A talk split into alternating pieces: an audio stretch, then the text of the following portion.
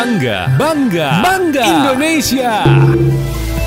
Indonesia adalah surga bagi pendaki gunung. Apalagi banyak gunung di Indonesia yang masuk dalam daftar gunung tertinggi di dunia. Ada 11 gunung yang memiliki ketinggian di atas 3000 meter di atas permukaan laut.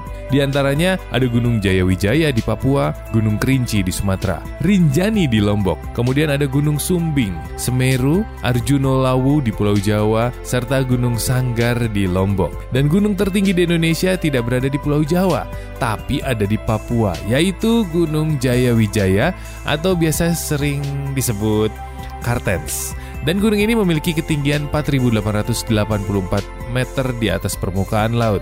Dan Gunung Jayawijaya ini juga bagian dari barisan pegunungan Sudirman di Kabupaten Puncak Jayawijaya, Papua. Teman Mara, sering dengar kan istilah buaya darat? Ah, buaya yang dijadikan lambang ketidaksetiaan seorang pria ini ternyata salah besar, teman Mara.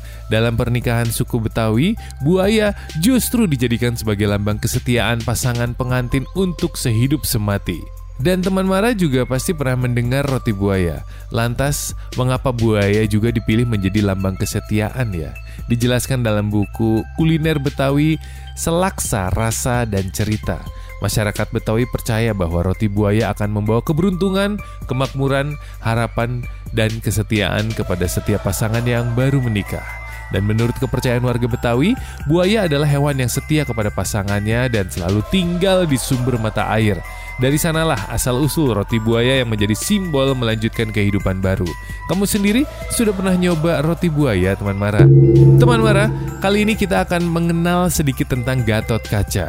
Kisahnya sendiri diawali Bimasena dari keluarga Pandawa menikahi Arimbi, putri dari kerajaan Pringgadani, negeri bangsa raksasa.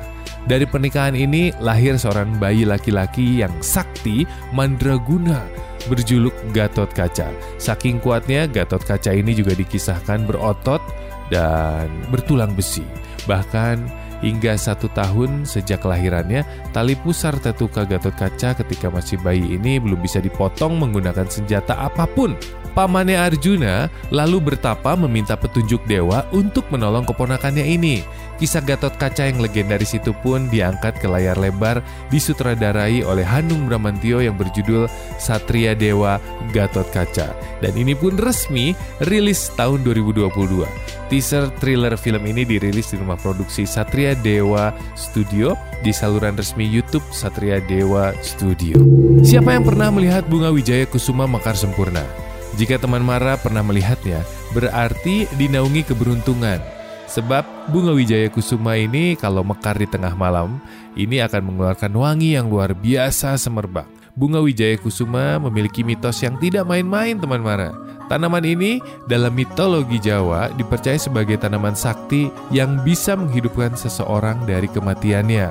Di kalangan keraton Yogyakarta dan Solo, bunga wijaya kusuma adalah syarat bagi seorang raja yang akan naik tahta. Karena mitologi kesaktian itu pula lah musisi muda Ardito Pramono dan Om Leo yang banyak membantu dalam pembuatan liriknya ini merilis album penuh yang bertajuk Wijaya Kusuma dengan makna yang sama di dalamnya untuk menghidupkan kembali semangat yang pernah padam. Teman Mara, pernah menonton salah satu film Hollywood yang berjudul Crazy for the Boys? Ya, film ini di dalamnya ada pemeran wanita asal Indonesia, yaitu Cinta Laura. Dia adalah seorang wanita berdarah Jerman Indonesia yang cukup sukses berkiprah di dunia hiburan Indonesia. Tidak saja berprofesi sebagai pemain sinetron, tapi Cinta juga berprofesi sebagai penyanyi. Perempuan yang berusia 29 tahun ini sempat mencoba peruntungannya untuk berkarir di dunia hiburan Amerika Serikat. Di negeri Paman Sam ini, Cinta mencoba untuk terjun di segala bidang, seperti model, penyanyi, sampai dengan main film. Bahkan beberapa film Hollywood juga pernah diperankan oleh Cinta. Ada After the Dark, The Neon Passengers, Tar, dan Crazy for the Boys. Ada yang pernah nonton filmnya? Teman Mara, siapa di antara kamu yang rumahnya beralamat di Jalan Pasteur, Bandung? Di jalan ini kerap dilafalkan bahwa pastur dan banyak orang mengasosiasikannya dengan pendeta Katolik. Yang betul nama jalan ini diambil dari Louis Pasteur pada tahun 1822 sampai dengan 1895. Beliau adalah ilmuwan yang sangat berjasa dalam bidang ilmu pengetahuan teknologi, kedokteran, dan tentunya industri.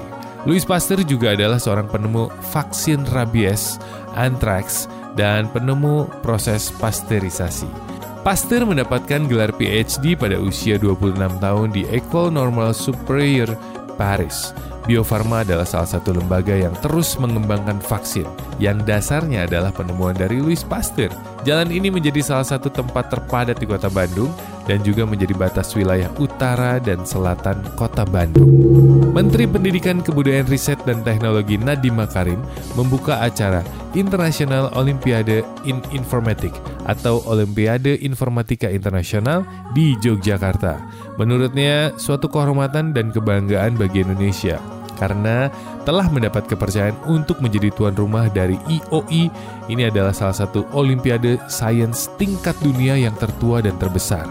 Indonesia sendiri terpilih menjadi tuan rumah IOI yang ke-34 dan menurutnya semakin menggarisbawahi kemampuan Indonesia untuk memimpin pemulihan dunia, ia pun mengajak negara anggota G20 untuk bergotong royong memulihkan dan mentransformasikan pendidikan terutama mempersiapkan para pelajar menghadapi tantangan masa depan. Teman Mara, julukan Indonesia di mata dunia cukup beragam. Masing-masing julukan memiliki makna yang berhubungan dengan kekayaan alam hingga budaya.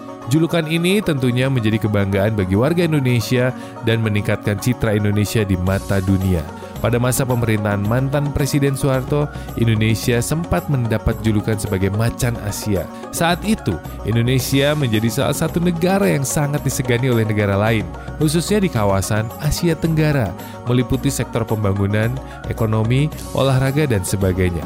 Dan julukan ini pun kerap digaungkan oleh Menteri Pertahanan atau Menhan Prabowo Subianto yang ingin mengembalikan kejayaan Indonesia.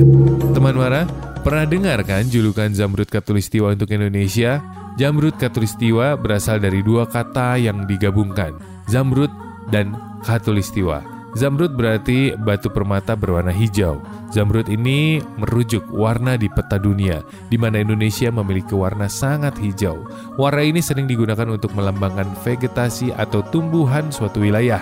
Seperti zamrud, alam Indonesia sangat indah dan memukau. Adapun kata katulistiwa, karena ada wilayah Indonesia yang dilintasi garis ekuator atau biasa disebut juga sebagai garis katulistiwa. Wilayah ini adalah kota Pontianak dan atas dasar itulah maka Indonesia mendapatkan julukan Zamrud Katulistiwa. Teman Mara, pemerintah Kabupaten Bintan, Kepulauan Riau mendukung Festival Sastra Internasional Gunung Bintan 2022 dengan melibatkan 350 penyair. Kegiatan festival ini mengangkat tema sastra Melayu dan budaya kemaritiman. Pelaksanaan festival dipusatkan di kota Kijang sebagai kota bekas tambang bauksit satu-satunya di Indonesia. Dukungan penuh dan siap berkolaborasi mengangkat kembali nama Bintan di mata dunia. Salah satunya melalui agenda Festival Sastra Internasional Gunung Bintan 2022. Festival ini nantinya bisa mengangkat budaya dan sejarah Bintan agar kembali muncul ke permukaan tidak hanya dikenal oleh generasi muda, tetapi menjadi daya tarik semua lapisan masyarakat. Yang pasti kita dukung teman Mara. Selain pariwisata Bintan ini juga punya segudang budaya dan sejarah yang nantinya akan menjadi ikon tersendiri di mata dunia. Keren kan?